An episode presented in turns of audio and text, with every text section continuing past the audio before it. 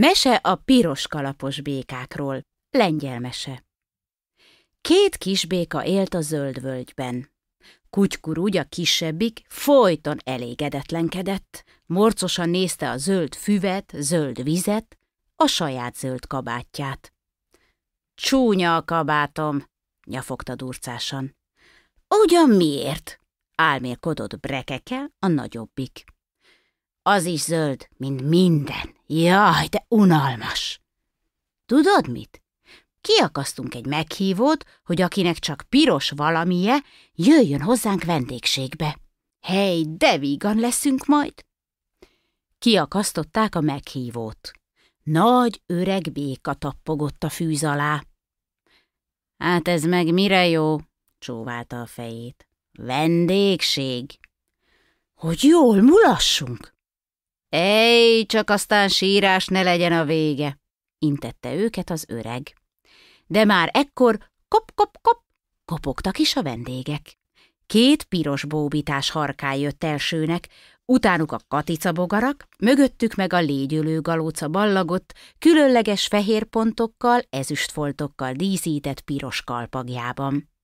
A kisbékák irigyen sóhajtozva nézték őket. Mindenki valami pirosban büszkélkedett.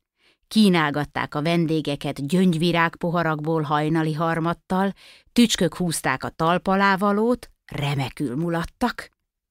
De jaj, miféle hang zavarja meg vidámságukat. Kelep, kelep, itt vagyok, bólogatott jókedvűen a gólya.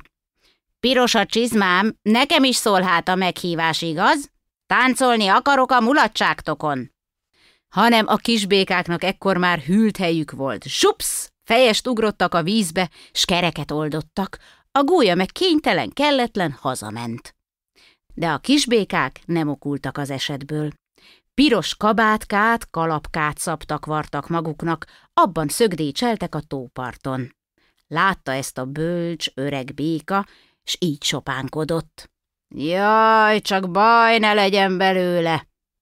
A gólya meg a fészkéről lelátott a zöld völgybe, s észrevette az ugrándozó kis piros alakokat.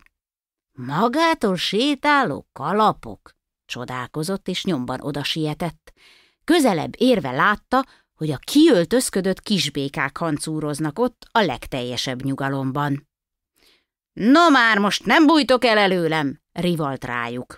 Ide piroslik a kalapotok! Ekkor rettentek csak meg a kisbékák. Akárhova ugrottak, felhangzott a gólya kelepelése. Nem bújtok el, itt piroslik, ott piroslik a kalap. Dobjátok le gyorsan azokat a piros holmikat, kiáltott rájuk egy nagy zöld levél rejtekéből a bölcs öreg béka. Jobbra röppent a kabát, balra a kalap, s a két kisbéka zöld kabátjában már is besurrant a zöld fűbe, már is beugrott a zöld vízbe. Hová lettek? Bögdöste csodálkozva a kalapokat a gólya. Bizony hiába bögdöste, nem menekültek a kalapok. Hű, de mérges volt! A két kisbéka pedig ott csücsült a zöld víz mélyén, ott kuksolt a zöld kabátban, beleolvadva a sok-sok zöldbe. Alig, ha kívánnak maguknak egy hamar piros kalapot, piros kabátot. Ez a műsor a Béton közösség tagja.